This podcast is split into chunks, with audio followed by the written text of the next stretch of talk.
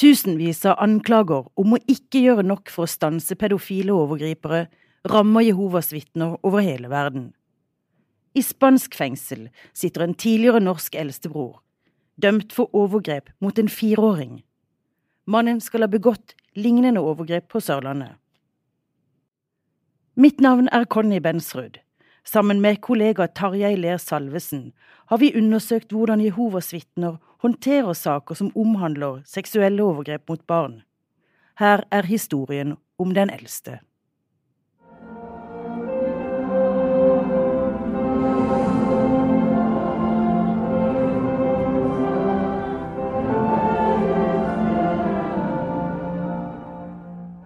Spania, november 2014. I den lille idylliske byen Altea, litt nord for Alicante, bor en 84 år gammel nordmann sammen med sin kone. Han har vært gift to ganger tidligere, men nå har han slått seg til ro. På Costa Blanca, den hvite kysten, har han selskap av mange nordmenn, de fleste pensjonister som han selv.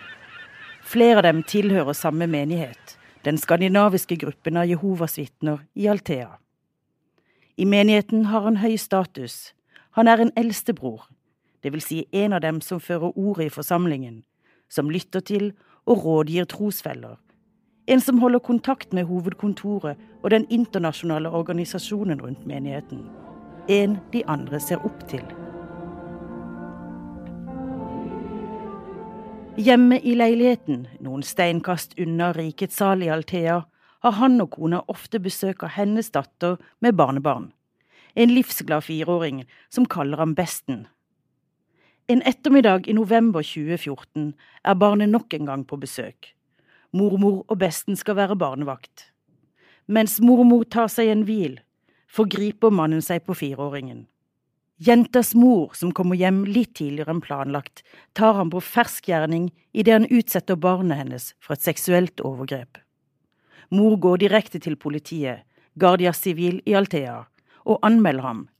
Både hun og den lille datteren blir avhørt.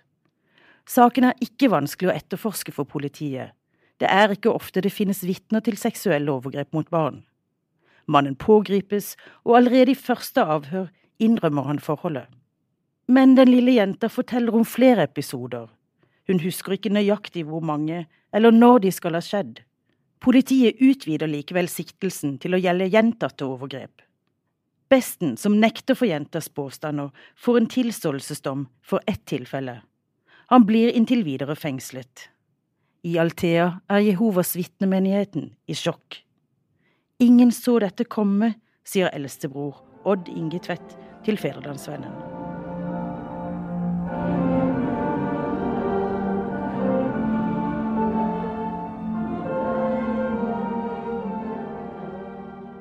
Sørlandet. Pågripelsen og fengslingen skal få større konsekvenser. Mannen har tidligere hatt rollen som eldstebror i en Jehovas vitnemenighet på Sørlandet. Her sprekker nyheten fra Spania like før jul i 2014. Menigheten er nærmest i sjokk. Snart kommer det påstander om flere overgrep. På slutten av 80-tallet var han også en aktet og godt likt mann blant sine trosfeller. Han hadde nylig blitt enkemann, og snart giftet han seg med en kvinne i samme menighet. Den lille datteren til den nye kona skal bli ett av mannens ofre. Jeg husker at det er sommer ute, jeg husker fargen på sengetøyet, forteller mannens tidligere stedatter til Federlandsvennen. Hun er bare ni år når overgrepene fra mannen starter. Første gang husker hun godt. Mamma er på jobb, og niåringen har besøk av en venninne. Jeg husker at han har dusjet, og så kommer han inn til oss, naken. Han sier de skal sove sammen med ham, og legger seg mellom de to små jentene. Han vil vi skal ta på ham, han har erigert penis, og hun blir stille. Så fortsetter hun. Han sier nå er det deres tur til å kle av dere. Så husker jeg ikke mer. Dagen etter tar han den lille jenta hardt i hendene og sier dette må vi ikke si til mamma niåringen tier. Og gang på gang, når hun sover og mor er på jobb, legger stefar seg under dyna hennes. Det er mer vage minner, men kroppslig husker jeg en del ekle ting. for fremdeles kan hun reagere fysisk sterkt på enkelte typer berøring. Det hodet fortrenger, husker kroppen.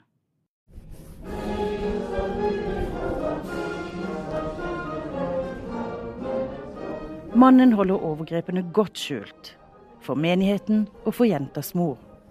Etter sju års ekteskap ble de skilt. Mannen ekskluderes fra menigheten, angivelig pga. sin oppførsel overfor ektefellen. Han flytter umiddelbart til Spania. Overgrepene mot stedatteren blir aldri noe tema. Inntil rykter fra Spania når Sørlandet. I menigheten dukker det opp flere påstander om overgrep.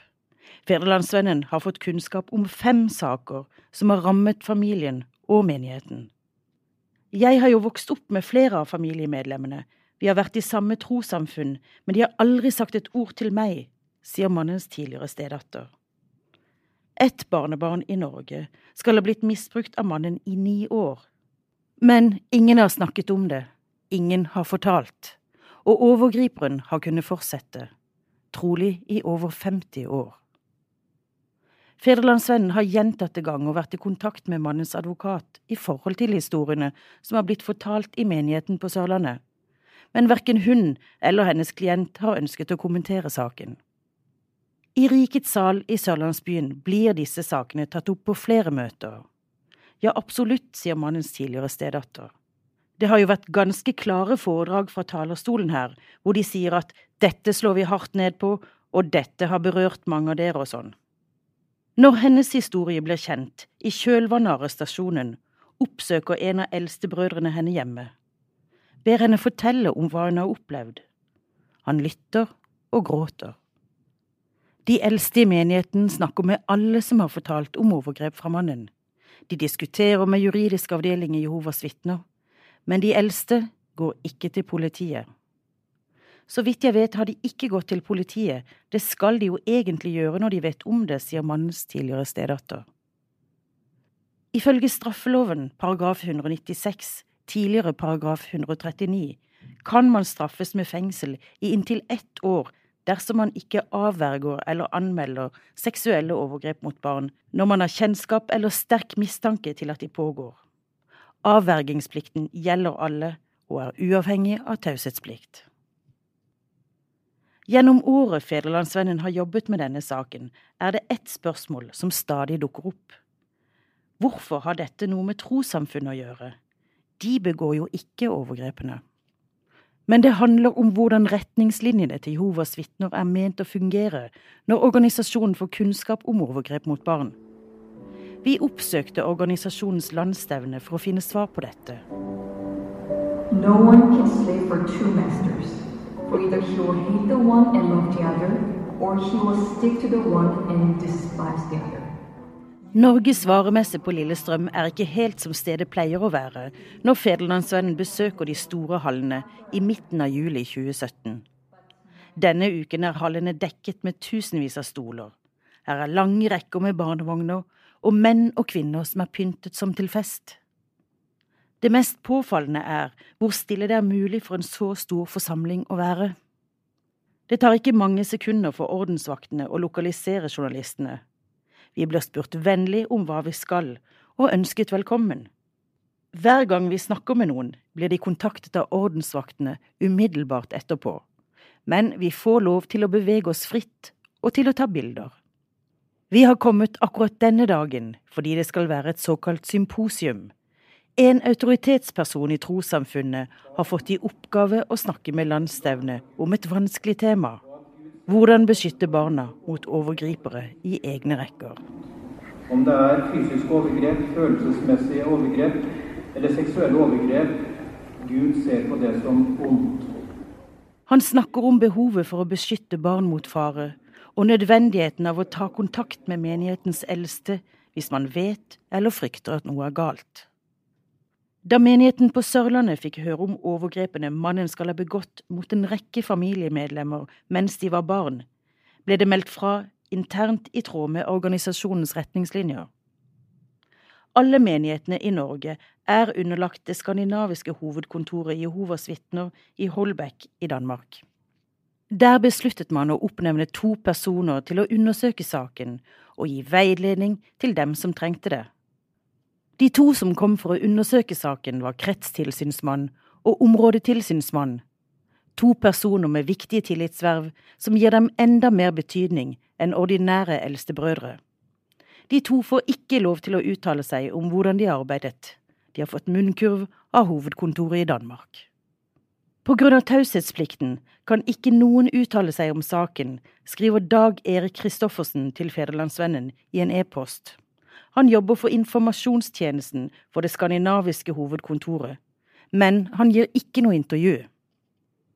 I messehallen på Lillestrøm får vi satt oss ned med René Stubb Christiansen, som bistår presseavdelingen når Federlandsvennen spør om håndteringen av overgrepssaker i trossamfunnet.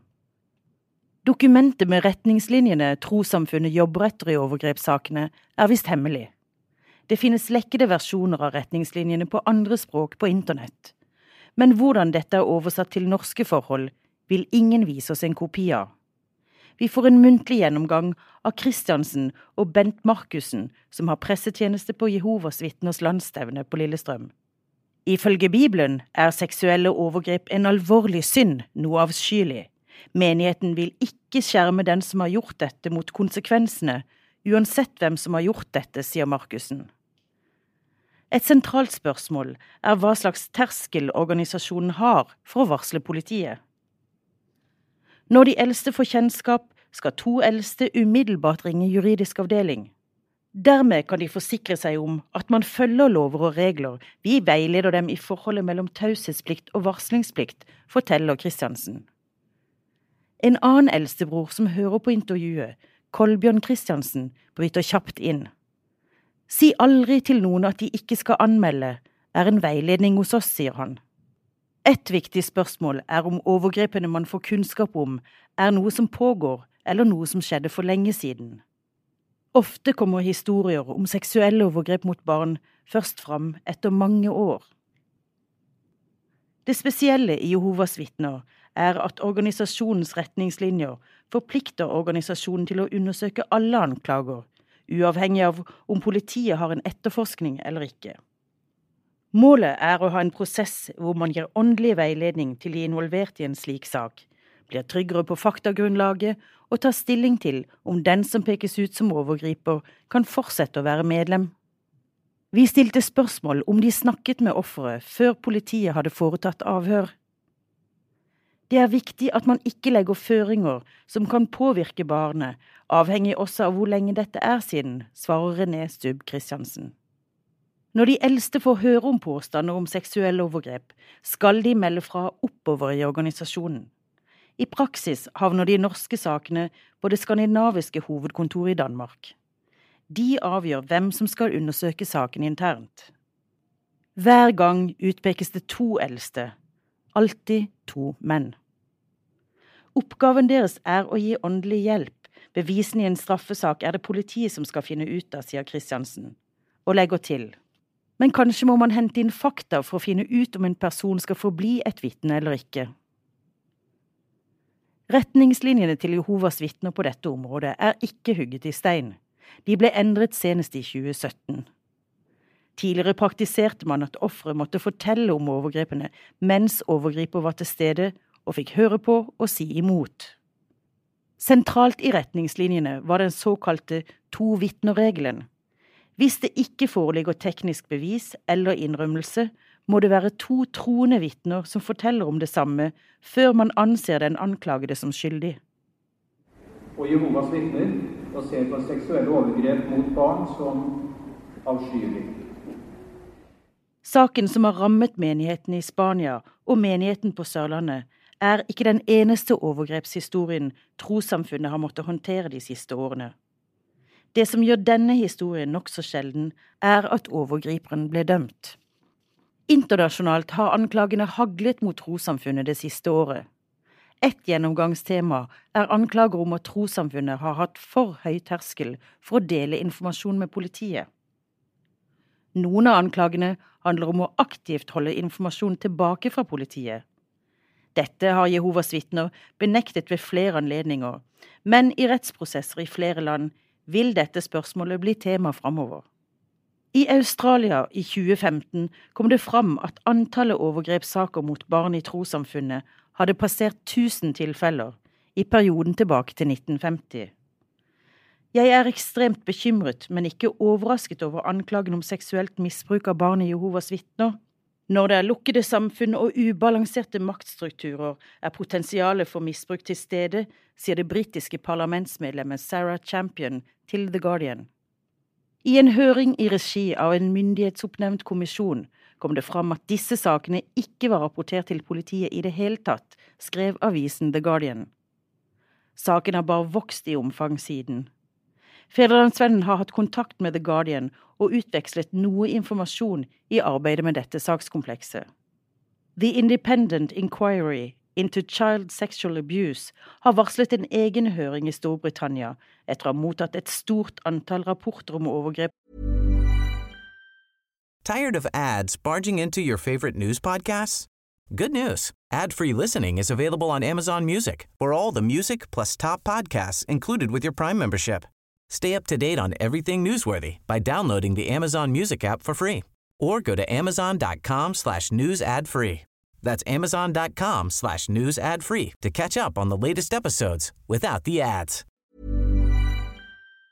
mot barn som tilhører trosamfunnet. The Guardian bygger sine avsløringer på mer enn 100 egne kilder, hvorav 41 personer som har fortalt avisen om overgrep de hevder har vært utsatt for.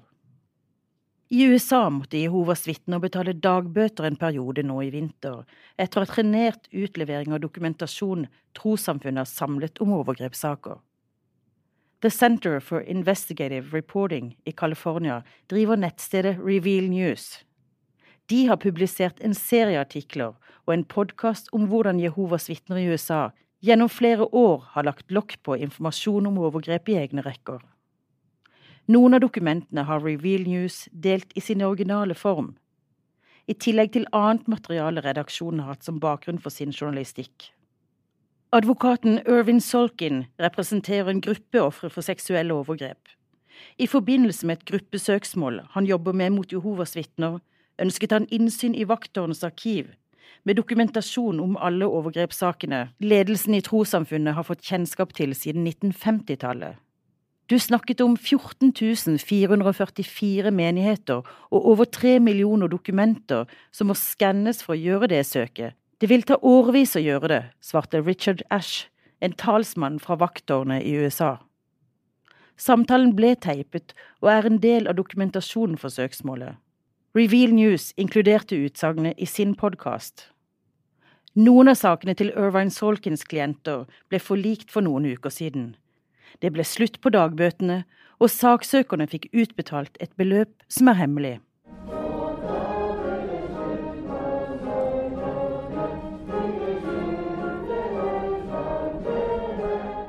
Etter det Federlandsvennen kjenner til, tok ingen av de eldste i menigheten på Sørlandet kontakt med politiet vedrørende overgrepene 87-åringen skal begått i Norge. Men politiet mottar en anmeldelse på ham fra en privatperson, og det iverksettes en etterforskning til tross for at saken er foreldet. Via Kripos tar norsk politi kontakt med sine spanske kolleger for om mulig å få avhøre mannen som sitter fengslet der nede. Selv når slike saker er foreldet, kan det bety mye for en overgrepsutsatt om gjerningspersonen innrømmer forholdet. Politiet får oversendt saksdokumentene fra Spania, men får aldri anledning til å avhøre mannen. Høsten 2015 må de gi opp. For i Spania er etterforskningen allerede avsluttet. Mannen som fremdeles sitter varetektsfengslet, tiltales for gjentatte seksuelle overgrep mot fireåringen. I desember 2015 går saken for retten i Alicante. Aktor ber om seks års fengsel. Men i retten forsøker mannen nå å nekte for overgrepene mot den lille jenta. Selv om han tidligere har innrømmet ett overgrep for politiet, en forklaring han selv har signert, hevder han seg misforstått av tolken som oversatte fra spansk til norsk. Plutselig sier han at jenta frivillig skal ha kledd av seg, eller at trusene hennes ramlet av ved en tilfeldighet. Den eldste blir ikke trodd og dømmes til fire års fengsel og fem års sikring. I tillegg må han betale den lille jenta 5000 euro i erstatning. men han dømmes kun for ett tilfelle, og han blir aldri konfrontert med de påståtte overgrepene fra Norge. Entonces, cuando eh, la madre va a denunciar a la Guardia Civil, dice que les ha sorprendido det var et team fra Guardia Civil med spesialkompetanse på seksuelle overgrep som hadde ansvar for etterforskningen i saken. Selve etterforskningen foregikk i Altea, men vi her på hovedkontoret for provinsen Alicante hadde ansvar for koordinering og oppfølging av teamet, sier presse- og kommunikasjonsansvarlig i Guardia Civil David Hermoso når vi besøker ham. Sammen med kollega Beatrice Garcia har han gått med på et møte med federlandsvennlige journalister for en gjennomgang av saken. Hvorfor norsk politi aldri fikk anledning til å avhøre mannen om overgrep han skal ha begått i Norge, har de ikke noe klart svar på. Han hadde ikke noe kriminelt rulleblad verken her i Spania eller i Norge, så vi ba aldri norsk politi om noe, sier Hermoso. Hvis kvinnene i Norge ønsket å avgi forklaring om ham, måtte politiet i Norge ha kontaktet oss via Kontoret for internasjonalt samarbeid i Madrid. Vi stiller ham følgende spørsmål. Politiet i Norge gjorde det, men fikk aldri svar på om det var mulig å avhøre ham. Hva tror du det skyldes? Han svarer saken var etter forholdene ukomplisert i den forstand at mor var vitne til overgrepet og gikk direkte til politiet. Men han hadde ikke noe rulleblad, og det var ingen andre vitner, bilder, videoer eller andre ting relatert til seksuelle overgrep mot barn, og derfor avsluttet vi etterforskningen ganske raskt, så forklaringen ligger nok der. Vi stiller nok et spørsmål. Vi vet at det var en kontakt mellom Guardia Civil og Jehovas vitnemenigheten under etterforskningen. Var de villige til å dele opplysninger med dere? Han svarer, under en etterforskning tar Guardia Civil vanligvis kontakt med mennesker som har en relasjon til den siktede, og hvis han tilhører en menighet, vil Guardia Civil stille spørsmål til dem. Kollega Beatrice Garcia understreker at det var viktig å få mannen dømt. Ofte finnes det ingen vitner og ingen bevis i slike saker, denne gangen var det troverdig voksent vitne i ett tilfelle, selv om barnet fortalte om mer. Da var det i det minste mulig å få en dom, sier hun. Guardia Civil klarte ikke å finne bevis for de andre overgrepene den lille jenta fortalte om. Dermed slapp den eldste unna med en relativt lav straff. Hvis han hadde blitt dømt for flere tilfeller, ville han fått en strengere straff. Claro. Yes, if he had been condemned for more than once or more than one episode, uh, the, I think the years would have been uh, more years imprisonment. Den eldste som vi skriver om, tilhørte den skandinaviske Jehovas vitnemenigheten i Altea. Nå har menigheten flyttet noen kilometer inn i landet. En ny rikets sal er åpnet i et ledig industrilokale utenfor byen Lanucha. På veien dit kjører vi gjennom den norske kolonien og passerer den skandinaviske parken. Rikets sal er et møtelokale som gjerne brukes av flere ulike Jehovas vitnermenigheter, som har hver sine møtetidspunkter. Like før klokka 18 søndag kveld fylles lokalet opp av svensker og nordmenn, og en håndfull dansker. Snaut 40 sjeler samles på stolene som er vendt mot talerstolen. Her er lite av estetikken man forbinder med katolske og lutherske kirker. Det er spartansk innredet. Forsamlingen mangler om lag 30 medlemmer i dag. Vi blir forklart at disse er på Mallorca for å støtte misjonsvirksomheten blant skandinaver der. Odd Inge Tvedt tar imot oss og ønsker velkommen. Han er en eldstebror i denne menigheten og har vært det i mange år. Vi ber om å få være til stede på møtet og få en prat med ham etterpå om hvordan de håndterte saken der en av deres eldste ble tatt for overgrep mot et barn. Etter nærmere to timer med foredrag, sang og bibelundervisning ønskes forsamlingen vel hjem. De to eldste brødrene viser fram menighetens bibliotek og sier ja til å fortelle litt. Det er en kjenslig sak, dette, sier Jovan Malajescu på svensk. Jeg kjenner denne saken godt, det var jeg som måtte håndtere den, sier Odd Inge Tvedt. Det første de to bekrefter, er at mannen vi er nysgjerrig på, virkelig var en eldstebror i menigheten slik vi har trodd. Han fremsto som kjærlighetsfull, inkluderende, god mot dem rundt seg, forteller Tvedt. Man føler seg lurt, ja, dette går inn på en, jeg var virkelig langt nede da dette skjedde. Tvedt og Malajescu forteller om Jehovas vitners sentrale retningslinjer for å håndtere saker om seksuelle overgrep. Det skal settes i gang en undersøkelse i regi av organisasjonen for å finne ut om den anklagede fortsatt kan være et Jehovas vitne. Dette skal skje uavhengig av en eventuell politisak. Vi følger spansk lov i disse sakene, og norsk lov, i tillegg til at vi har disse interne retningslinjene. Hvis vi får kunnskap om saker om overgrep mot barn, ber vi om at politiet blir kontaktet. En viktig rolle for oss er å gi offeret støtte, og andre rundt dem.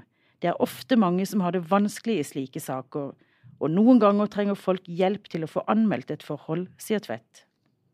I Spania fikk Guardia Civil en politianmeldelse fra offerets mor, stedatteren til overgriperen. I tillegg ble det satt i gang interne undersøkelser i regi av Jehovas vitner, slik retningslinjene krever. Jeg kan ikke gå i detalj om undersøkelsene vi gjør i en slik sak, men jeg kan fortelle hva som ble konklusjonen. Denne mannen er ikke lenger et Jehovas vitne, han er ekskludert, forteller Tvedt. Vi spør, kan han komme tilbake til menigheten, er det tilgivelse å få for en slik forbrytelse? Ja, det er mulig, det er mulig å få tilgivelse dersom man oppriktig angrer og forandrer seg. Men tilgivelse er ikke det samme som tillit.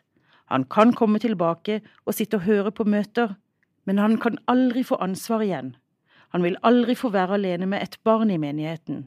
Alle som har barn, vil bli advart mot denne personen, understreker Tvedt. Vi stiller ham nok et spørsmål. Da historien herfra ble kjent, kom det fram en del saker om samme mann og andre overgrepsofre på Sørlandet. Kjente dere til disse historiene? Ikke fra før, nei, det kom som et sjokk. Men når han først var avslørt, så overrasker det meg ikke så veldig. Det er sjelden folk som gjør slikt, endrer atferd. De kan holde på lenge. Den eldste ble tatt på fersken av et voksent vitne. Barnet ble trodd i retten, selv om kun det ene overgrepet hadde sterke nok bevis til en domfellelse. Men hva gjør Jehovas vitner i saker der det kun er ett barns fortelling mot én voksen person? Det er vanskelig når man kun har ett barn som forteller, man kan advare foreldrene til de i menigheten som har barn, men det er lite å gå til politiet med dersom det ikke finnes beviser, sier Jovan Malajescu. Når er det grunnlag for å gå til politiet? Det er klart at hvis to eller flere barn forteller historier om samme mann, da styrker det troen på at det kan være sant. Da må man si fra, sier Malajescu. Tvedt forteller at Jehovas vitner har et system med det de kaller forkynnerkort, der det skrives ned en del informasjon om det enkelte døpte medlem av trossamfunnet, som deltar i forkynnervirksomheten. Disse dokumentene overlates til de eldste i den nye menigheten når noen flytter. Når man skriver ned slike ting i forkynnerkort, kan den nye menigheten oppdage om noe slikt har skjedd tidligere, om det var kjent, sier Tvedt. Den eldstes kone bor fremdeles i Althea. Hun er ikke formelt skilt fra ham, men er tydelig på at han aldri kan komme tilbake til henne. Denne søndagen er hun til stede på møtet i Rikets sal. Menigheten er fremdeles viktig for henne. De har støttet henne i en svært vanskelig tid. Hun utstråler varme og tar godt imot oss, men hun ønsker ikke å la seg intervjue. Helst vil hun glemme hele saken. Likevel forteller hun oss at hun aldri fattet mistanke til mannen. Hun føler seg lurt i en felle av ham. Hele ekteskapet var bygd på en løgn. De påståtte overgrepene mot flere barn i Norge kjenner hun også til. At ingen fortalte om dem før det var for sent, mener hun skyldes at det skjedde for mange år siden, i en tid ingen snakket om slike ting. Ikke bare i Jehovas vitnemenigheter, men i samfunnet i det hele tatt. Hun er glad overgriperen ble dømt, og at han fremdeles sitter i fengsel. Det mener hun han har fortjent. Nå vil hun helst glemme.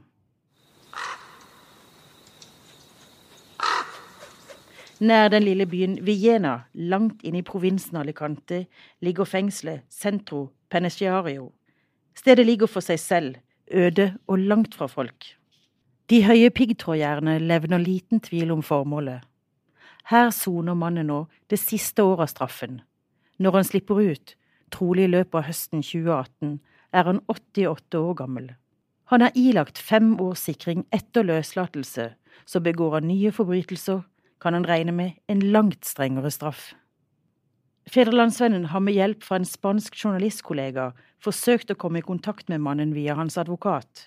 Vi ønsker å høre den eldstes versjon av saken, ikke minst i forhold til de overgrepene han er beskyldt for å ha begått mot flere av kvinnene i menigheten på Sørlandet. Vår spanske kollega melder tilbake at advokaten har lagt fram vår intervjuforespørsel for mannen, men at han ikke ønsker å snakke med oss.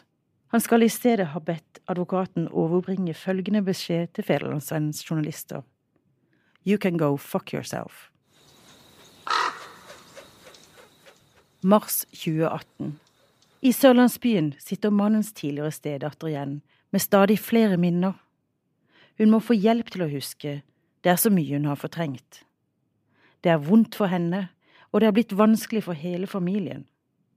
Fremdeles teller hun på knappene om hun skal anmelde den eldste for hva han gjorde mot henne. Jeg har flere ganger tenkt på å melde min sak til politiet, sier hun. Hun reagerte spesielt sterkt da en spansk avis skrev at det var en formildende omstendighet at mannen ikke hadde begått overgrep tidligere. Da ble jeg veldig, veldig sint inni meg, for det er jo ikke riktig. Saken hennes er foreldet, men slike saker etterforskes ofte likevel, så sant de blir politianmeldt.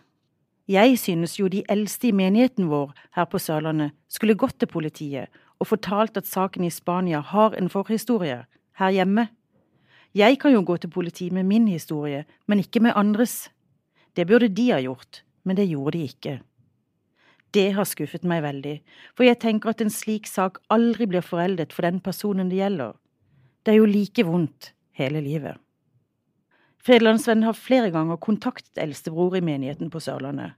Han er gjort kjent med sakens innhold, også med kritikken som kommer fra den eldstes tidligere stedatter. Han ønsker ikke å kommentere saken. Den eldste ble lest av Conny Bensrud. Produsent er Kjetil Samuelsen. Redaktør Eivind Jøstad, Federlandsvennen.